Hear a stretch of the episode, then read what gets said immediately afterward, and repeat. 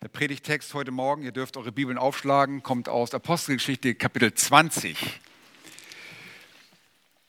Ein Text, der uns zeigen wird, wie ein treuer Diener des Herrn Jesus Christus aussehen soll. Und dort ist uns der Apostel Paulus selbst ein Vorbild. Ich muss sagen, dass ich in letzter Zeit immer wieder von Dienern Gottes höre, die nicht treu sind, die eigene Wege einschlagen, die ihr eigenes Programm abziehen und das nicht gemäß dem Wort Gottes tun. Und so ist dieser Text wirklich ein Text, der nicht nur uns als Verkündiger anspricht, sondern jeden Einzelnen von euch auch. Wir alle sind Kraft unserer Berufung Diener geworden. Paulus spricht davon, dass er als Diener eingesetzt worden ist und wir sehen, wie er von Gott berufen wird in der Apostelgeschichte 9. Wir kommen gleich darauf zu sprechen. Aber auch wir sind berufen worden, um unseren Herrn zu dienen. Wir dienen einander und Petrus fordert auf in 1. Petrus Kapitel 4, dass wir einander dienen sollen, jeder mit, die, mit der Gabe, die er empfangen habe. Ihr kennt diese Verse dort, ich lese einmal vor, dient einander jeder mit der Gnadengabe, die er empfangen hat, als guter Haushalter der mannigfaltigen Gnade Gottes. Nun können wir denken, wir dienen jetzt einander und dienen nicht Gott. Dieses einander dienen ist ein untergeordnetes Dienen und in Epheser Kapitel 6 und Vers 7 heißt es, dient mit gutem Willen dem Herrn und nicht den Menschen. Wenn wir einander dienen, dann ist das ein Dienst an dem Herrn, denn das ist ein Auftrag an uns. Das, was ihr dem anderen tut, das tut ihr dem Herrn. Wir sollen eifrig den Herrn dienen, sagt Paulus im Römerbrief. Schlagt mal Römer Kapitel 12 kurz auf. Und dort ist ein Aufruf zum Eifer. Im Eifer lasst nicht nach. Seid brennend im Geist dient dem Herrn. In der Schriftlesung heute Morgen haben wir davon gelesen, dass wir dem Herrn dienen sollen. Im Psalm 2 haben wir gelesen, Vers 11. Dient Jahwe, das ist dem Herrn, mit Furcht und frohlockt mit Zittern. Christen sind Diener. Und der Text in Apostelgeschichte 2, äh, 20 macht es sehr deutlich, was die vier Merkmale eines treuen Dieners sind. Lasst uns den Text zunächst einmal zusammen lesen und ich lese ihn euch vor aus der Schlachter 2000 Übersetzung. Da heißt es, von Milet aber sandte er, das ist Paulus, nach Ephesus und ließ die Ältesten der Gemeinde herüberrufen und als sie zu ihm gekommen waren, sprach er zu ihnen, ihr wisst, wie ich mich vom ersten Tag an, als ich Asia betrat, die ganze Zeit unter euch verhalten habe. Dass ich dem Herrn diente, mit aller Demut, unter vielen Tränen und Anfechtungen, die mir widerfuhren durch die Nachstellungen der Juden und wie ich nichts verschwiegen habe von dem, was nützlich ist, sondern es euch verkündigt und euch gelehrt habe, öffentlich und in den Häusern, indem ich Juden und Griechen die Buße zu Gott und den Glauben an unseren Herrn Jesus Christus bezeugt habe. Und siehe, jetzt reise ich gebunden im Geist nach Jerusalem, ohne zu wissen, was mir dort begegnen wird, außer dass der Heilige Geist von Stadt zu Stadt Zeugnis gibt und sagt, dass Fesseln und Bedrängnisse auf mich warten. Aber auf das alles nehme ich keine Rücksicht. Mein Leben ist mir auch selbst nicht teuer, wenn es gilt, meinen Lauf mit Freuden zu vollenden und den Dienst, den ich von dem Herrn empfangen habe, nämlich das Evangelium der Gnade Gottes zu bezeugen. Soweit der Text, der Abschnitt, der Gedanke ist eigentlich noch nicht zu Ende. Der, die Rede zu den Ältesten geschieht noch bis Vers 38. Aber selbst dieser erste Teil dieses Textes gibt so viel Stoff, dass ich überlegt habe, ob ich nicht zwei oder drei Predigten draus machen sollte. Aber ich werde versuchen, eine Predigt rüberzubringen, was dort steht. Vier Merkmale eines treuen Verkündigers. Und ich möchte nochmals auf Paulus selbst hinweisen, der im ersten Timotheusbrief Kapitel 1, Vers 15 sagt, da sagt er, glaubwürdig ist das Wort und aller Annahme wird, dass Christus in die Welt gekommen ist, um zum Sünder zu retten, von denen ich der Größte bin. Er war ein großer Sünder, denn er hat die Gemeinde verfolgt. Wir gehen gleich zu Apostelgeschichte 9. Aber dann sagte er davor in Vers 12, dass er dem Herrn dankt. Da heißt es, darum danke ich dem, der mir Kraft verliehen hat, Christus Jesus, unserem Herrn, dass er mich treu erachtet hat, in den Dienst eingesetzt hat. Er war ein treuer Diener und Christus selbst hat ihn in den Dienst eingesetzt. Und wir schauen uns einmal seine Bekehrung an. Er war ein Verfolger der Gemeinde Jesu Christi. Ein Mann, ein jüdischer Mann aus der Stadt Tarsus, aus der Provinz Silizien, Silizien. Und er war ausgebildet als ein Eiferer im Gesetz an, zu den Füßen Gamaliels. Und dieser Mann war so eifrig für das Gesetz, dass er alle diejenigen, die an Christus glaubten, bestrafen wollte.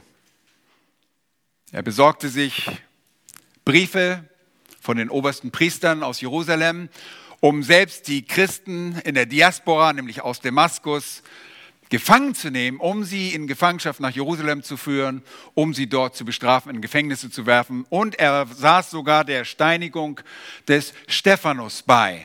Er stimmte dem zu, als Stephanus gesteinigt wurde. Aufgrund dieser, dieser Verfolgung durch Paulus bricht eine Verfolgung aus. Menschen verlassen Jerusalem. Und Gott gebraucht das auf wunderbare Art und Weise seine Gemeinde in der Diaspora, in der Zerstreuung zu bauen. In Apostelgeschichte Kapitel 9, Vers 1 lesen wir, Saulus aber, der noch Drohung und Mord schnaubte gegen die Jünger des Herrn, ging zum hohen Priester und erbat sich von ihm Briefe nach Damaskus an die Synagogen, in der Absicht, wenn er irgendwelche Anhänger des, Wege, des Weges äh, fände, ob Männer oder Frauen, sie gebunden nach Jerusalem zu führen. Er war ein Verfolger der Gemeinde Jesu Christi.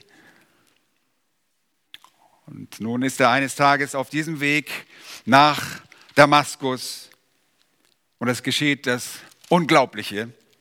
So unglaublich, dass selbst die Jünger in Jerusalem es kaum glauben, als er als Bekehrter dort auftaucht. Aber er kommt und auf einmal begegnet ihm der Herr. Er begegnet ihm und der Herr fragt ihn aus dem Himmel heraus, aus den Wolken heraus und,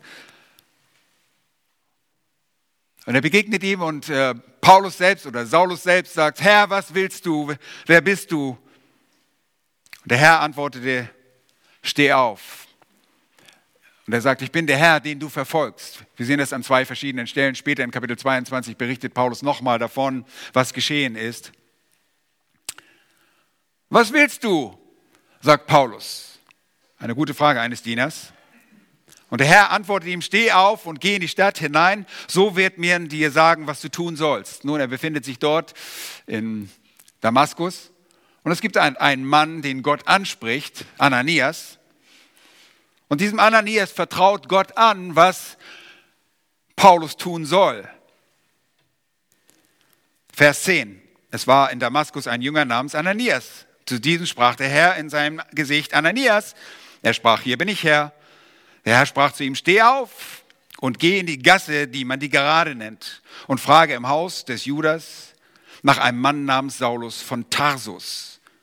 Denn siehe, er betet und er hat in einem Gespräch einen Mann namens Ananias gesehen, der hereinkam, um ihm die Hand auflegte, damit er wieder sehend werde. Nun, Ananias kannte diesen Mann. Er antwortete, Herr, ich habe vielen von diesem Mann gehört, wie viel Böses er deinen Heiligen Jerusalem zugefügt hat. Und hier hat er Vollmacht von den obersten Priestern, alle, die deinen Namen anrufen, gefangen zu nehmen. Wow. Soll er sich darauf einlassen? Aber der Herr sprach zu ihm, Vers 15, geh hin und hör da mal sehr gut zu. Denn dieser ist mir ein auserwähltes Werkzeug, um meinen Namen vor Heiden und Könige und vor die Kinder Israels zu tragen. Denn ich werde ihm zeigen, dem Apostel Paulus, und hier beginnt er Apostel zu werden, denn er wird vom Herrn Jesus Christus selbst gesandt. Ich werde ihm zeigen, wie viel er leiden muss um meines Namens willen. Nun, Ananias ist treu, er gibt diese Dinge weiter an Paulus und er wird ein Diener, ein treuer Diener. Schaut einmal weiter in Vers 20. Und Saulus war etliche Tage bei den Jüngern in Damaskus. Übrigens die, ersten Christen dort, in der Diaspora auch, die das Evangelium hören. Und sogleich verkündigte er in den Synagogen Christus, er geht zu den Juden, dass dieser der Sohn Gottes ist. Und dann heißt es Vers 22, Saulus aber wurde noch mehr gestärkt und beunruhigte die Juden, die in Damaskus wohnten, indem er bewies, dass dieser der Christus ist, dass er der Gesalbte ist. Die Juden hatten eine Schwierigkeit, nämlich mit wem? Mit Jesus Christus. Und Paulus kommt und er beweist, dass er der Sohn Gottes ist, dass er der Christus ist. Achtet einmal, was passiert. Als aber viele Tage vergangen waren, beschlossen die Juden miteinander, ihn umzubringen. Doch ihr Anschlag wurde dem Saulus bekannt und sie bewachten die Tore Tag und Nacht, um ihn umzubringen. Da nahmen ihn die Jünger bei Nacht und ließen sie ihn durch einen Korb über die Mauer hinab. Und so kommt er nach Jerusalem und dieses, diese Nachstellung der Juden, die wird kennzeichnend für sein Leben, für seinen Dienst. Nun, Paulus wird ein Diener der Gemeinde Jesu Christi. Er begibt sich zunächst nach äh, Jerusalem, dann kommt er auch, muss er weitergehen, er geht nach Tarsus. Aus Tarsus wird er von Barnabas geholt dort wird er nach Antiochien geholt, um dort zu lehren. Und er lehrt dort eine nicht geringfügige Menge an biblischen Gedankengut. Er lehrt dort für ein Jahr. Und deshalb wurden die Christen zuerst in Antiochen wie genannt? Jünger. Jünger Mathetes, sie sind Lernende. Paulus war einer, der Jünger machte. Und er geht, wenig später wird er vom Geist Gottes ausgesondert wir haben seinen Auftrag gelesen, Kapitel 9. Er sollte vor Könige gestellt werden, im Namen, um Heiden und Könige und vor die Kinder Israels zu tragen, den Namen Gottes dort, dorthin zu tragen. Leben, er wird ausgesondert, er geht auf Missionsreisen. Gemeinden entstehen, Menschen kommen zum Glauben. Unter anderem auch die Gemeinde in Ephesus, die nicht direkt durch ihn gegründet wird, die er aber sehr stärkt. Wir lesen auf seiner zweiten Missionsreise, dass Paulus nach Ephesus kommt. Auf der zweiten Missionsreise ist ihm zunächst einmal nicht gewährt, dass er nach, in die Provinz Asia geht. Er macht einen langen Weg, kommt über Griechenland, über Athen und Korinth und kommt dann direkt von dort aus über das Ägäische Meer im Osten nach Ephesus. Und er nimmt jemanden mit und lässt Leute dort, Aquila und Priscilla, die er kennengelernt hat, die lässt er dort und sie sind es wahrscheinlich, die das ersten, ersten Kontakt dort herstellen mit den Ephesern und dort das Evangelium verkündigen.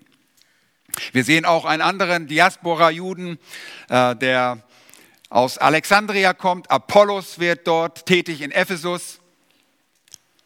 Paulus hält sich auf seiner zweiten Missionsreise nicht dort auf. Er hat einen strammen Zeitplan und er sagt, er wird wohl wiederkommen, wenn der Herr das so zulässt. Und das tut er auf der dritten Missionsreise. Die dritte Missionsreise führt ihn letztlich dorthin. Die Gemeinde wird gestärkt.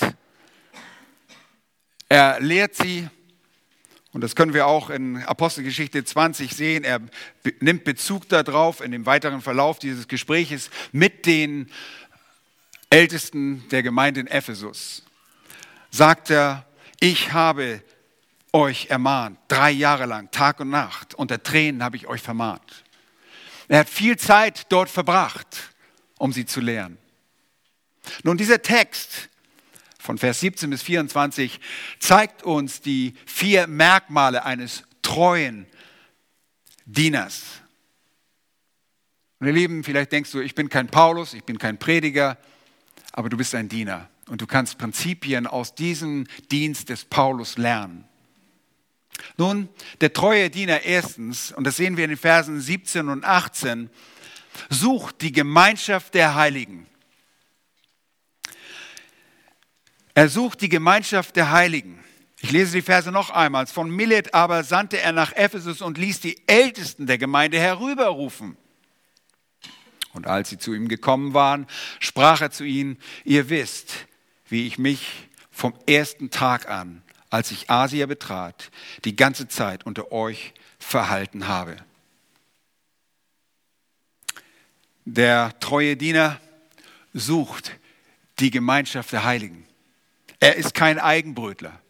Er ist nicht einer, der sich selbst dient. Er ist ein Diener des Herrn, der den Dienst an den Menschen verübt und das nicht allein tut. Er ist kein Eigenbrötler. Er hat Reisebegleiter, die um ihn sind. Wir lesen oft von Paulus, auch zu Beginn seiner Briefe, dass er in Begleitung von gottesfürchtigen Männern ist sei es Thessalonicher Brief, sehen wir Timotheus und Silvanus, der später auch zum Schreiber des Apostel Petrus wird. Ihr Lieben, er ist immer in Gemeinschaft von Gläubigen und er sucht auch hier die Gemeinschaft der Heiligen. Er zieht nicht an den Ephesern vorbei. Nun, Paulus hatte Ephesus verlassen ist über Mazedonien nochmal nach Griechenland gereist. Es gab ein Tumult in Ephesus und Paulus verließ Ephesus und er reiste über Mazedonien, über Achaia, ging drei Monate nach Griechenland, wahrscheinlich Korinth und dort erregte er, wie wir lesen in Kapitel 20, Vers 3, mal wieder die Gemüter der Juden. Sie stellten ihm nach. Und eigentlich wollte er zurück. Er hat es eilig wieder gehabt. Und der direkte Weg wäre wie bei der zweiten Missionsreise gewesen über das Ägäische Meer. Aber er, er entscheidet sich, über Mazedonien zurückzugehen, um den Juden, die ihn nachstellten, aus dem Weg zu gehen. Sie hätten ihn garantiert umgebracht. Und so geht er wieder zurück durch die Nachstellung der Juden über Mazedonien zurück und kommt nochmals an Ephesus vorbei. Aber er möchte dort keine Zeit verbringen. Wir lesen in Vers 16, Kapitel 20, Vers 16, Paulus hat nämlich beschlossen, an Ephesus vorbei zu segeln, damit er in der Provinz Asia nicht zu viel Zeit verbringen müsste. Denn er beeilte sich, um möglichst am Tag der Pfingsten in Jerusalem zu sein. Er hatte nicht viel Zeit. Pfingsten, 50 Tage Pentekost, das, Wo das Wochenfest, findet 50 Tage, sieben Wochen nach dem Passa statt. Nach dem Fest der ungesäuerten Brote. Und das hatte er gerade gefeiert in Philippi.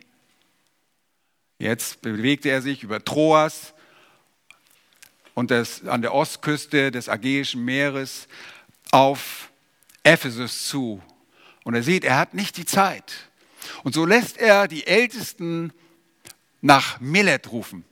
Und Milet war ungefähr 70 bis 80, zwischen 80 Kilometer entfernt von Ephesus, also eine kleine Reise für die Ältesten, um den Apostel Paulus zu sehen. Aber er nimmt das auf sich. Er sagt nicht, die sind mir egal. Ich gehe einfach los. Ich ziehe los. Ich muss auf das Fest. Die anderen sind mir egal. Es liegt ihm so sehr am Herzen, dass er dieses Gespräch mit diesen Geschwistern sieht, um sie nochmals daran zu erinnern, was ihr Auftrag ist. Und die folgenden Verse zeigen ihnen sehr deutlich, was sie zu tun haben. Diese bekannten Verse die uns wahrscheinlich eher bekannt sind als die, der erste Teil dieses Berichtes, dass nämlich die Ältesten in Ephesus ermahnt werden, auf sich selbst Acht zu geben und auf die Herde, über die der Heilige Geist sie zu Aufsehern gemacht hatte. Er wollte sie sehen. Er wollte ihnen nochmals eine Mahnung mit auf den Weg geben. Er sucht einfach diese Gemeinschaft. Nun, er war auf dem Weg, um auf dem Fest, dem Pfingstfest zu sein. Er war, ein, war treu nun, äh, wir fragen uns vielleicht, Paulus, warum rennst du immer noch zu diesen Festen? Laut 5. Mose 16, Vers 16 sollte jeder gottesfürchtige Jude immer zu diesen drei Festen reisen. Aber du, Paulus, du bist nicht mehr unter dem Gesetz. Warum reist du immer noch nach Jerusalem zu diesen Festen? Und dieser Apostel Paulus hatte Verlangen nach der Gemeinschaft. Er sucht die Gemeinschaft der Heiligen. Und um nach Josa zu gehen, wusste er auch, dass er dort noch andere Gelegenheit haben würde, das Evangelium den Juden zu bringen, die Christus noch nicht gesehen hatten und erkannt haben. Er lässt sie nicht nebenbei liegen. Und dann sagt er, ihr wisst, wie ich mich vom ersten Tag, als ich Asien betrat, die ganze Zeit unter euch verhalten habe. Wie kann man das wissen? Nur wenn ein Hirte, wenn ein Mann Gottes unter diesen Leuten lebt und sich mitteilt. Ich liebe die Verse aus 1. Thessalonicher Kapitel 2. Da wird es so deutlich, wie Paulus gelebt hat mit den Leuten. Und das ist nur beispielhaft, als er auf seiner zweiten Missionsreise in, bei den Thessalonicher war, nachdem er in Philippi erstmal ordentlich misshandelt worden war, kommt er zu den Thessalonichern und er schreibt dort in Kapitel 2, Vers 1, ihr wisst selbst, Brüder, dass unser Eingang bei euch nicht vergeblich war, sondern obwohl wir zuvor gelitten hatten und misshandelt worden waren in Philippi, wie ihr wisst, gewannen wir dennoch Freudigkeit in unserem Gott, euch das Evangelium zu verkündigen unter viel Kampf. Stopp, hier geht es noch weiter. Ha, Punkt. Aber, denn unsere Verkündigung entspricht nicht dem Irrtum von unlauteren Absichten, noch geschieht sie mit listigem Betrug, sondern so wie wir von Gott für tauglich befunden wurden, mit dem Evangelium betraut zu werden, so reden wir auch. Nicht als solche, die den Menschen gefallen wollen, sondern Gott, der unsere Herzen prüft. Und jetzt kommt es, denn wir sind nicht mit Schmeichelworten gekommen, wie ihr wisst, noch mit verblümter Habsucht Gott ist Zeuge, wir haben auch nicht Ehre von Menschen gesucht, weder von euch noch von anderen, obgleich wir als Apostel des Christus würdevoll hätten auftreten können, sondern wir waren liebevoll in eurer Mitte. Wie eine stillende Mutter ihre Kinder pflegt. Und hört mal zu. Und wir sehnten uns so sehr nach euch Seht ihr die Liebe des Apostels? Er sehnt sich nach der Gemeinschaft der Heiligen. Und zwar so, dass wir willig waren. Wir waren willig, euch nicht nur das Evangelium Gottes mitzuteilen.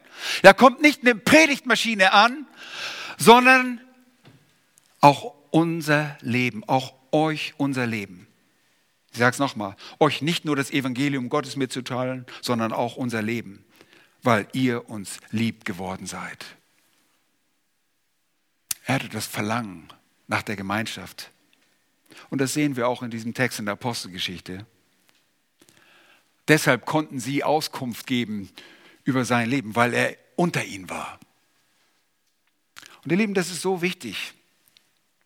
Ein Hirte ist kein Eigenbrötler. Er hat nicht einen losgelösten Dienst von einer Gemeinde. Und es ist erschreckend. Ich, ich lerne immer mehr Leute kennen, die irgendeinen Dienst haben, die irgendwo nominell in eine Gemeinde vielleicht noch eingetragen sind, aber nicht mal Älteste in, als einer, in einer Gemeinde fungieren und trotzdem sich irgend als eine Autorität aufspielen und rumreisen. Mir sind Leute bekannt, die nur einen Predigtdienst machen, wenn sie unterwegs sind und sonst keine lokale Gemeinde beiwohnen. Das kannte der Apostel Paulus nicht. Er war verbindlich und er liebte die Gemeinschaft. Er liebte den Leib Jesu Christi. Und das solltest du auch. Das Christentum ist ein Dienst und ist kein Zuschauersport. Es ist nicht nur ein sich hinsetzen und sich berieseln lassen, sondern wir dienen und wir lieben die Heiligen.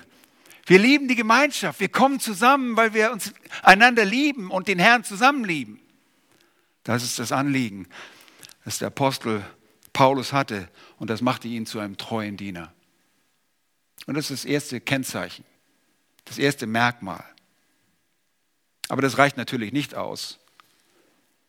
Das zweite Merkmal seht ihr in Vers 19. Das zweite Merkmal, er dient dem Herrn von ganzem Herzen.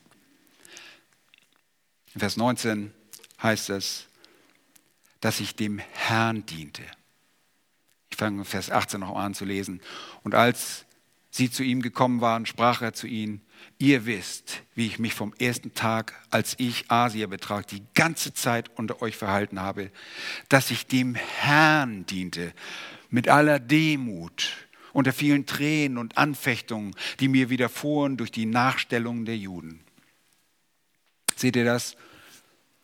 Nur ein Diener, der von ganzem Herzen dient, kann so dienen. Und hier wird uns dieses von ganzem Herzen auch beschrieben. Und zwar in Demut. Er kommt in Demut. Er kommt nicht als großkotziger Apostel und sagt, ich habe den Herrn Jesus gesehen, nun kommt mal in die Hufe. Ich habe eine Beziehung zu Jesus gehabt, ihr sollt mal alle von mir lernen. Er kommt demütig.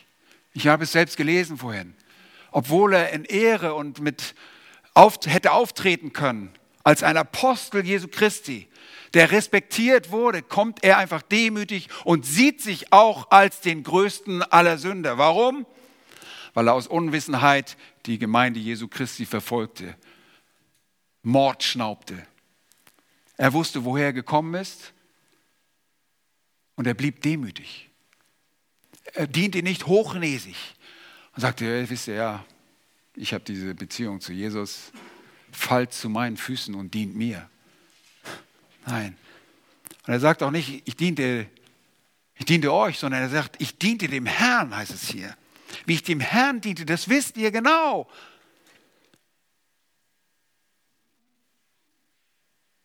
Leben von ganzem Herzen, ganz, mit ganzer Hingabe führt dazu, dass wir demütig bleiben.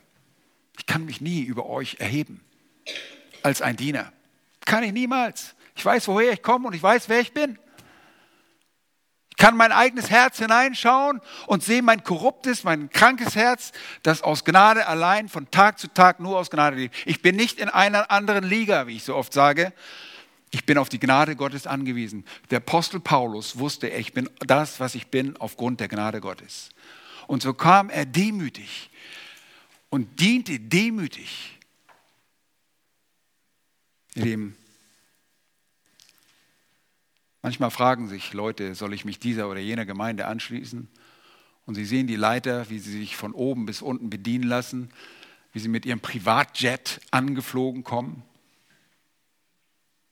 ihre Security um sich herum haben und keinen Menschen an sich heranlassen und hinterher wieder abfliegen.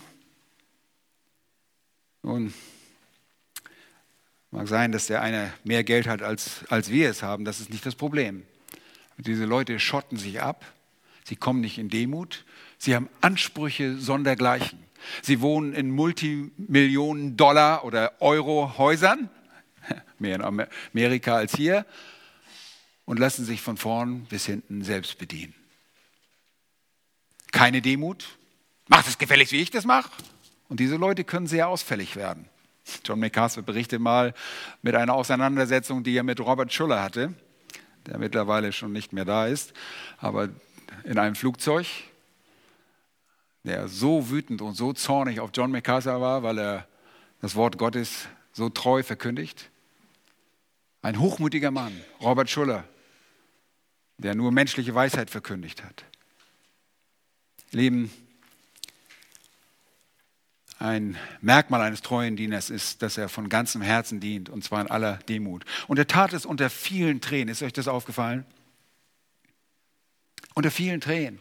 Er hat die Ernsthaftigkeit gesehen.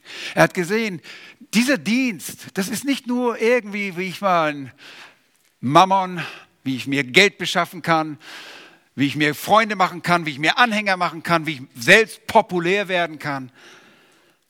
Er hat die Ernsthaftigkeit gesehen. Er hat gesehen die große Not der Menschen, die Christus nicht annahmen. Er hat die Not gesehen. Er wusste, dass jeder, der Christus ablehnt, in das ewige Verdammnis geht.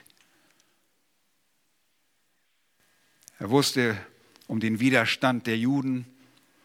Und das spricht er auch an, diese Anfechtungen beziehungsweise diese Prüfungen, die ihm widerfuhren durch die Nachstellung der Juden überall. Wir sehen, dass er oft und sehr häufig immer zu den Juden ging und die Verfolger waren die Juden. Die Verfolgung, die ausbrach, die erste, die Verfolgung ausbrach, waren die Juden. Die Juden, die eigenen Landsleute verfolgten solche, die zu Christus kamen. Und er wusste um diese Dinge und er ermahnte die Geschwister später auch unter Tränen, sagt er. Schaut einmal in Vers 31, darum wacht und denkt daran, dass ich euch drei Jahre lang Tag und Nacht nicht aufgehört jeden Einzelnen unter Tränen zu ermahnen. Es ist so ernst. Wir müssen mit aller Ernsthaftigkeit das Evangelium verkündigen. Wir sind manchmal zu oberflächlich, zu locker, zu leger. Es ist eine ernste Angelegenheit. Und das wusste er und das weiß ein treuer Diener. Und die Prüfungen, wir haben leider nicht die Zeit, dem allen nachzugehen. Aber in Korinth, bevor er kommt, habe ich schon erwähnt, Kapitel 20, Vers 3, verbrachte er dort in Griechenland drei Monate. Wir nehmen an, dass es Korinth ist. Und da ihm die Juden nachstellten, als er nach Syrien abfahren wollte, und ich sagte, normalerweise geht es durch das Ägäische Meer ähm, zurück in die Heimat, aber er entschließt sich andersrum zu gehen. Er hat diese Nachstellung, sein Leben war, wurde bedroht. Und wir werden gleich noch sehen, das macht dem Apostel Paulus nichts aus. Wir erinnern uns an Philippa 1, Christus mein Leben, Sterben ist mein Gewinn. Er geht mit dieser Sicherheit durch das Leben und sagt, naja, wenn ich sterbe, dann bin ich da, wo der Herr mich haben will. Er wusste aber auch, er hatte einen Auftrag. Er hatte einen Auftrag von Gott und Gott wollte ihm zeigen, wie er leiden muss. Wir denken oft, wir gehen durch das Leben und müssen nicht leiden. Wir wollen Christus ähnlich sein, aber wir wollen nicht leiden. Wie sind wir denn Christus ähnlich, wenn wir nicht leiden? Ah, wir wollen ihm da ähnlich sein, wo er Wunder tut vielleicht. A la Charismatik. Wir wollen schöne Wunder tun, aber wir wollen nicht leiden. Nun, wenn du Christus ähnlich sein willst, dann wirst du leiden. Und er war bereit dazu. Unter Anfechtungen und Prüfungen hat er seinen Dienst getan, hat sich nicht davon abbringen lassen, hat nicht gesagt, ah, keine Lust mehr. Beeindruckend war es in Lystra oder Iconium, als er gesteinigt wurde wird gesteinigt, sieht aus, als wäre er tot. Seine Jünger stellen sich um ihn rum, er steht wieder auf. Wo geht er hin? Zurück in die Stadt. Zurück in die Stadt. Unser eins würde sagen, let's get out of here. Weg hier. Ja, weg. Nein. Er dient dem Herrn von ganzem Herzen. Das kann man hier nur so sagen. Das ist nicht ein geteiltes, geteiltes Interesse, dass wir es auch manchmal bei den Jüngern sehen, nachdem sie zum Glauben kommen oder dass sie, dass sie zurück zu ihren Fischerbooten gehen. Ah, nee, lass uns lieber wieder fischen gehen. Paulus war so ausverkauft für den Herrn. Er war völlig hingegeben und hat sich dem Herrn in den Dienst gestellt. Das erste Merkmal ist, er sucht die Gemeinschaft der Heiligen. Das zweite Merkmal ist, dass er dem Herrn von ganzem Herzen dient. Das dritte Merkmal sehen wir in Versen 20 und 21. Und das ist ein Merkmal, das uns alle sehr betrifft als Diener Gottes. Der treue Diener Gottes, er macht Jünger. So fasse ich die beiden Verse zusammen, 20 und 21. Er machte Jünger. Und das machen wir heute noch als treue Diener, machen wir Jünger. Ich lese die Verse 20 und 21 und wie ich nichts verschwiegen habe von dem, was nützlich ist, sondern es euch verkündigt und euch gelehrt habe, öffentlich und in den Häusern, indem ich Juden und Griechen die Buße zu Gott und den Glauben an unseren Herrn Jesus Christus bezeugt habe. Er redet, redet ständig über das Evangelium. Und was tut er? Er tut genau, was der Auftrag des Herrn Jesus Christus war. Und wir kennen den Missionsbefehl selbst. Matthäus Kapitel 28, schlagt es auf, wenn ihr es nicht auswendig könnt. Matthäus 28, ab Vers 18, Jesus trat herzu, redete mit ihnen, mit den Jüngern und sprach, mir ist gegeben alle Macht im Himmel und auf Erden, so geht nun hin und macht zu Jüngern alle Völker. Wie macht man denn Jünger? Hört mal zu. Tauft sie auf den Namen des Vaters und des Sohnes und des Heiligen Geistes und lehrt sie halten alles, was ich euch befohlen habe. Und siehe, ich bin bei euch alle Tage bis an das Ende der Weltzeit. Amen. Seht ihr, ein treuer Diener des Herrn, der predigt nicht nur über seine Lieblingsthemen, er wird nicht nur um das ABC des Christentums besorgt sein, sich immer um drei Wahrheiten oder wie war das, vier Wahrheiten, vier geistliche Gesetze drehen, die man runterrattern kann, sondern der lehrt den ganzen Ratschluss Gottes.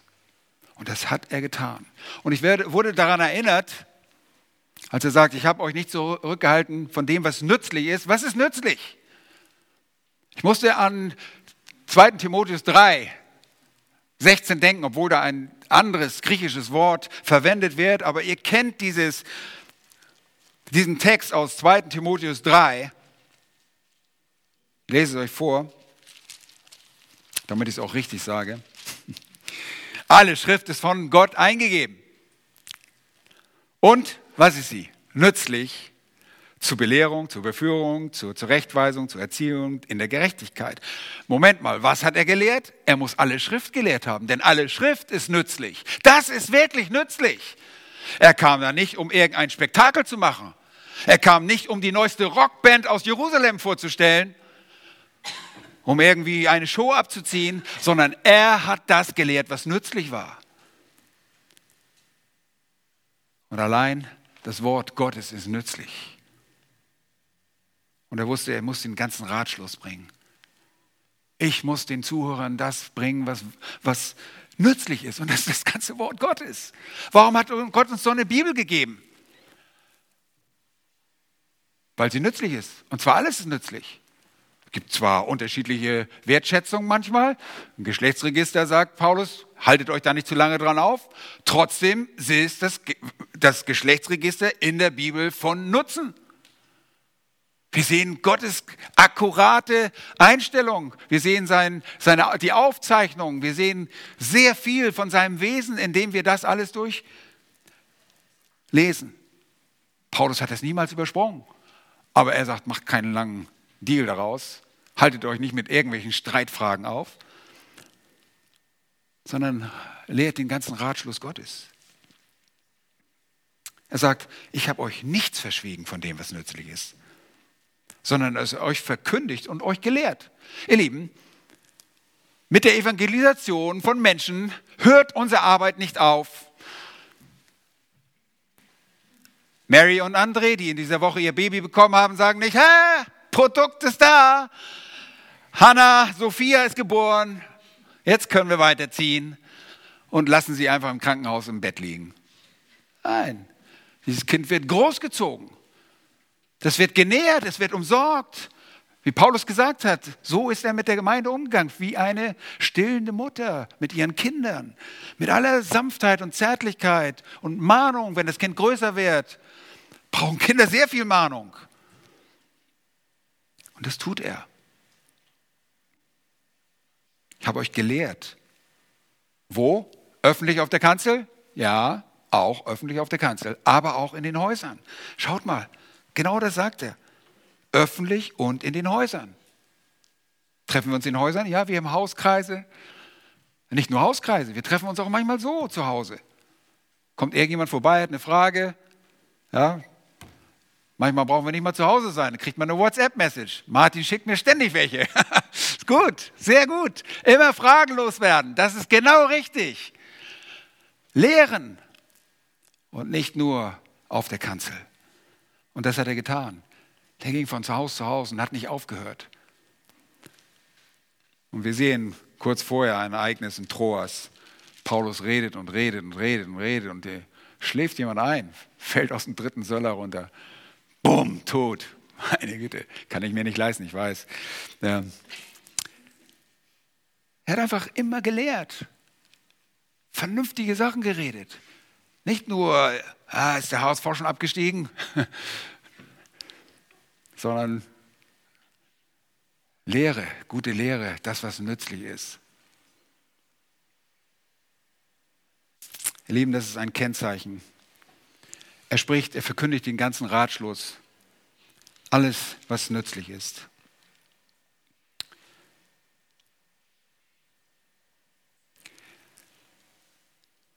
Und dabei hat er niemanden ausgelassen. Das ist auch interessant. Lesen mal weiter.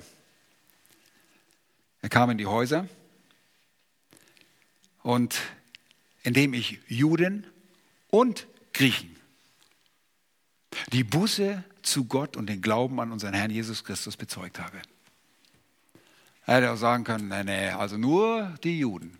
Schließlich bin ich ein Jude und der Herr Jesus Christus ist ja auch erstmal nur zu den Juden gegangen. Warum soll ich? Nein, er wurde dazu erkoren, auch zu den Heiden zu gehen. Und er nimmt diesen Auftrag wahr, er lässt niemanden aus. Er sagt, die Juden, die können mir mal, die stellen mir sowieso nur nach, die sind so aggressiv, ich habe nie wieder was mit den Juden zu tun. Nein, dem Herrn sei Dank. Es gibt viele, viele jüdische Christen, auch schon sehr früh in der Geschichte der Gemeinde. Und er war einfach treu, indem er den ganzen Ratschluss verkündigt, macht er Jünger. Das ist es, worum es geht beim Jüngermachen. Wenn wir Jünger machen, dann sagen wir nicht nur, hier ist das Evangelium, komm zum Glauben und jetzt sieh zu, wie du klarkommst. Wir erfüllen nicht unsere Aufgaben. Und das ist ein riesiges Problem heute. Glaubt mir das. Zum einen glauben Gemeinden, dass sie Menschen zum Glauben gebracht haben, wenn sie es nicht sind. Das ist nur so ein Scheinchristentum. Das ist die erste Sache. Und wenn sie denn meinen, dass sie zum Glauben gekommen sind, dann lassen sie in Ruhe. Wir haben alles erreicht. Was wollen wir noch mehr? Oh, dann fängt eigentlich die Arbeit erst an. Da müssen wir wachsen. Andere und Mary müssen jetzt arbeiten. Die Schwangerschaft war easy. Das war leicht. Jetzt fängt die Arbeit an. Jetzt wird das Kind genährt. Und so ist es auch, wenn jemand zum Glauben kommt. Wir müssen diese Leute weiterführen und lehren in allem. Und das ist genau das Kennzeichen eines treuen Dieners. wenn ihr jemand zum Herrn bringt, dann sagt nicht, oh, jetzt wünsche ich dir Gottes Segen, viel Freude. Oh, du kannst hingehen, wo du willst. Such dir irgendwas aus. Sagst du das deinem Kind auch, das gerade geboren ist? Such dir aus, welche Mahlzeit du nehmen willst. Er sagt ja nicht mal zum Zweijährigen. Ihr guckt immer, was alles auf dem Boden liegt, weil die alles im Mund stecken. Ihr passt ständig auf. Aber irgendwie sind wir Christen so trottelig, dass wir sagen, die können alles futtern, was sie wollen. Jede Lehre können sie sich reinziehen. Du lässt sie alleine auf dem Internet surfen und gibst ihnen keine Anweisung. Das kann nicht sein. Wir müssen Leute warnen, was sie essen, wie sie sich geistlich nähern. Und so machen wir wahre Jünger. Und ich habe ja gesagt, ein drittes Kennzeichen war, er macht wahre Jünger. Ein viertes, und das ist auch so sehr wichtig, ist, er gibt sich selbstlos um Christi willen. Und das überlappt sich natürlich mit dem, er dient dem Herrn von ganzem Herzen. Aber tut das alles um Christi willen. Ist nicht irgendwie ein Geldgeber, der dahinter steht.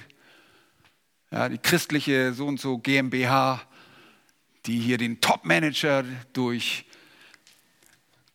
das ganze Land schickt. Nein. Ich lese euch die Verse 22 bis 24 nochmals. Und siehe, jetzt reise ich gebunden im Geist nach Jerusalem, ohne zu wissen, was mir dort begegnen wird, außer dass der Heilige Geist vom Stadt zu Stadt Zeugnis gibt und sagt, dass Fesseln und Bedrängnisse auf mich warten. Aber auf das alles nehme ich keine Rücksicht. Mein Leben ist mir auch selbst nicht teuer wenn es gilt, meinen Lauf mit Freuden zu vollenden und den Dienst, den ich von dem Herrn Jesus empfangen habe, nämlich das Evangelium der Gnade Gottes zu bezeugen. Ihr Lieben, ein treuer Diener gibt sich selbstlos um Christi willen. Bist du Christus begegnet? Ja, wenn du ein Kind Gottes bist, bist du ihm begegnet. Er ist dir begegnet, er hat dir klargemacht, was, dein was der Auftrag ist in deinem Leben, was du tun sollst. Paulus hat eine direkte Begegnung, deshalb ist er ein Apostel Jesu Christi. Wir haben über Apostel gelernt. Pascal hat davon geredet. Es gab auch Apostel, sicherlich hat Pas, äh, Pascal auch darüber gesprochen. Ich war nicht jedes Mal da, das müsst ihr entschuldigen. Aber es gibt Apostel der Gemeinden, die von Gemeinden gesandt werden. Aber ein Apostel Jesu Christi ist einer, der direkt von Jesus gesandt wurde. Und Jesus sagt zu seinen Jüngern, so wie der Herr mich, wie der Vater mich gesandt hat, so sende ich euch. Sie sind gesendet, direkte Apostel Jesu Christi, Gesandte Jesu Christi. So einer war Paulus. Und er geht los. Und er sagt, ich habe einen Auftrag, nämlich das Evangelium der Gnade Gottes. Und dieser Auftrag gilt. Wenn es Widerstand gibt, dann gibt es Widerstand. Das wurde mir schon gesagt. Ich soll sehen, wie ich leiden soll. Und gebunden im Geist ist, er war einfach so fixiert, dass er sagt, ich gehe. Ich gehe, das ist mein Auftrag. Das ist nicht abhängig von dem, was äußerlich geschieht. Ich gehe. Auch wenn ich nicht genau weiß, und das, so müssen wir das hier wissen, denn er wusste, dass er Fesseln erleiden würde und auch wenig später wird Agabus ihm nochmal begegnen und ihm genau zeigen, was los ist. Und man will ihn davon abbringen. Er ist nicht dem Geist Gottes in diesem Fall ungehorsam, sondern es wird ihm nur deutlich, von Stadt zu Stadt wird ihm immer wieder Zeugnis abgelegt. Weißt du was, du wirst Ärger kriegen, du kriegst richtig Stress. Weil deine Botschaft ist göttliche Botschaft und irgendjemand gefällt es nicht. Irgendjemand gefällt es überhaupt nicht. Der Heilige Geist gibt ihm Zeugnis von Stadt zu Stadt, dass Fesseln und Bedrängnisse auf ihn warten. Und das tat es auch. Nach der dritten Missionsreise gab es wirklich Fesseln. Dann ging es zurück nach Rom. Und dort saß er nicht nur einmal. Die erste Gefangenschaft endete und er hatte Gelegenheit zu einer vierten Missionsreise, die nicht aufgezeichnet ist, aber die impliziert ist. Aufgrund vieler Texte, die wir haben, wissen wir, dass er noch auf eine vierte Missionsreise ging. Wahrscheinlich auch nochmals nach, nach Ephesus kam, nach Mazedonien kam und dann auch Timotheus dort ließ. Ich kenne die, die Briefe an den Timotheus, äh, die ersten, ersten und zweiten Brief. Ähm, uns ist bekannt, dass der zweite Brief muss die zweite Gefangenschaft betreffen. Und äh, er hat sich einfach nicht abbringen lassen. Um Christi willen. Und was hatte Christus gesagt? Sie haben mich gehasst, wundert euch nicht, wenn sie euch hassen werden. Haben mich verfolgt, sie werden euch verfolgen. Das ist das Normale. Deshalb sage ich immer, wir sind eigentlich in einer recht unnormalen Zeit. Uns geht es irgendwie relativ gut, oder? Wir werden auf andere Weise versucht. Ist auch nicht ungefährlich. Aber ihr Lieben, er brachte einfach diesen Auftrag durch. Und das ist der schönste Auftrag, den ein Mensch überhaupt je erhalten kann, den wir alle haben. Das ist nicht nur für ein paar Professionelle, für, für ein paar besondere ausgebildete Theologen, wie es ein Paulus war oder wie es Verkündiger sind, wie es eure Pastoren hier in der Bibelgemeinde sind. Nein, es ist ein Auftrag, den wir alle haben, das Evangelium der Gnade Gottes zu bezeugen. Was für eine wunderbare Botschaft. Das Evangelium, Evangelion, ist die gute Nachricht. Die gute Nachricht der unverdienten Gunst, die Gott uns gewährt. Dafür, sagte er, werde ich meinen Lauf beenden und vollführen. Ich werde ihn zu Ende bringen. Ich werde ihn vollenden. Bis zum Schluss. Bis Gott sagt, so, Ofen ist aus, Leben ist aus. Und das kann er sagen. Im zweiten Timotheusbrief, Kapitel 3, wir erinnern uns vielmehr Kapitel 4, äh, an,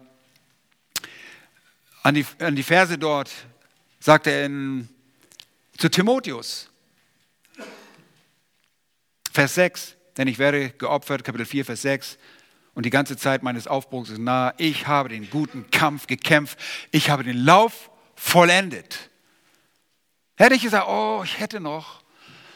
Mann, warum bin ich nie noch da noch hingegangen und hier noch hingegangen?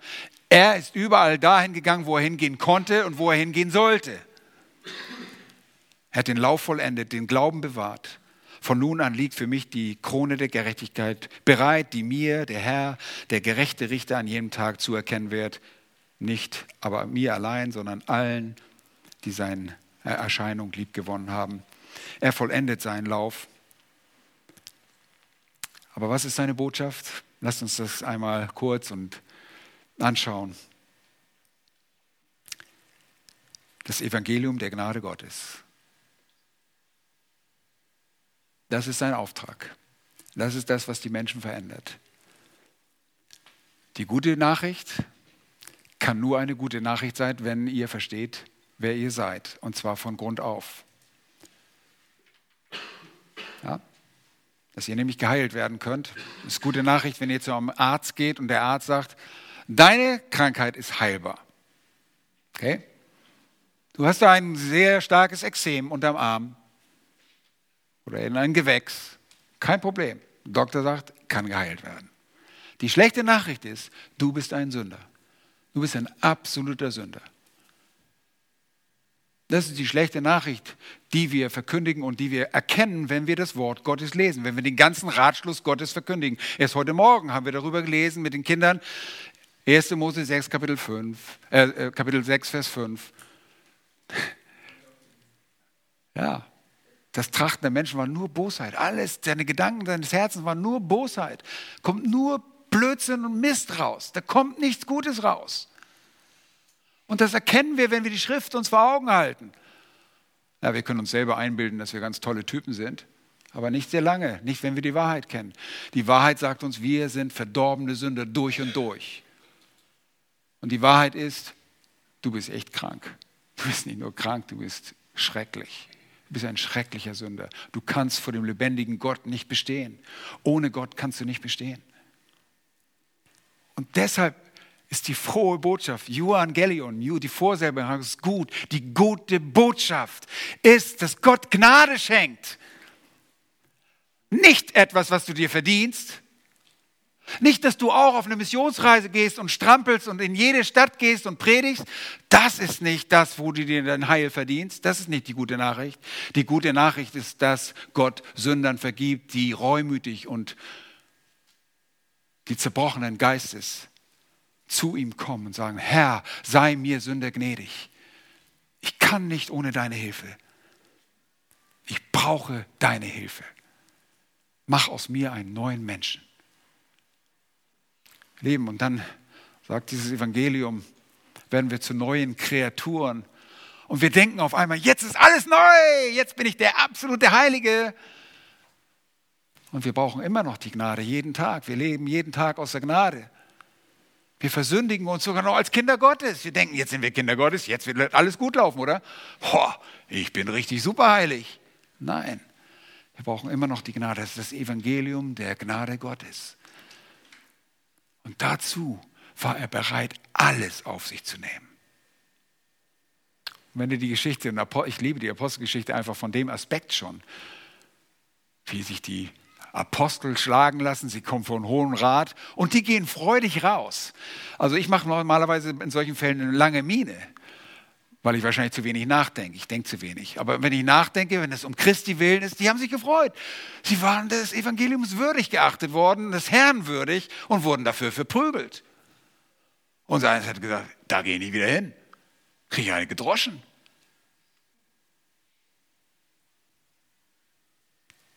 Dann sehen wir Apostel Paulus mit seinem Reisebegleiter Silvanus im Kerker von Philippi. Und die fangen an zu singen um Mitternacht. Halt, das, das, war nicht irgendwie so ein super Gefängnis, wie sie heute bekannt sind. Jeder Gefangene seinen eigenen Fernseher und tolle Mahlzeiten und fast besser als im Altersheim. Ja, nein, das war das dunkelste Loch. Wirklich, das dunkelste Loch. Und dann fangen sie an zu singen, zu preisen, den, Lob, den Herrn zu preisen. Wahnsinn. Wisst ihr was? Das kannst du auch. Nicht aus eigener Kraft. Aus eigener Kraft schmeißen wir immer. Wir machen viel zu viel aus eigener Kraft. Du kannst lieben, du kannst singen, du kannst Lob preisen. Du musst nur nachdenken, was du bist. Du bist ein Kind Gottes. Du bist ein errettetes Kind Gottes. Und du hast eine wunderbare Zukunft. Eine Herrlichkeit wartet auf uns. Eine Herrlichkeit ohne Leid, ohne Tränen, ohne Schmerz, ohne Sünde. Die wird wegbleiben. Die ist nämlich schon weg, wenn wir bei ihm sind. Wenn wir da richtig drüber nachdenken, wir tun es zu wenig ich tue das selbst so wenig, dann inspiriert es uns zu diesem Dienst. Von ganzem Herzen. Wir werden von ganzem Herzen dem Herrn dienen. Wir werden die Gemeinschaft der Heiligen suchen. Was gibt es Schöneres, als mit Gläubigen zusammen zu sein? Morgens hier zu singen. Das ist ein Vorgeschmack im Himmel. Ein Vorgeschmack von dem, was im Himmel ist. Wenn wir hier zusammen singen. Ich glaube, da werden wir ein bisschen besser singen. Einige werden auch nicht daneben hauen mit ihren Stimmen ja, und den äh, monoton singen oder so. Sondern wir werden alle unsere Stimmen halten können, zur Herrlichkeit Gottes singen. Es wird nichts Schöneres geben. Und wir werden, wenn wir treu sind, Jünger machen. Lasst uns die Zeit nutzen, Jünger zu machen. Lasst euch zu Jüngern machen und fangt gleichzeitig selber an, andere zu Jüngern zu machen. Sagt, nee, ich bin ja noch nicht so weit. Ich bin ja noch nicht so weit. Doch, du bist schon so weit. Du kannst vom ersten Tag an. Paulus ist sofort losgezogen. Habt ihr das gemerkt?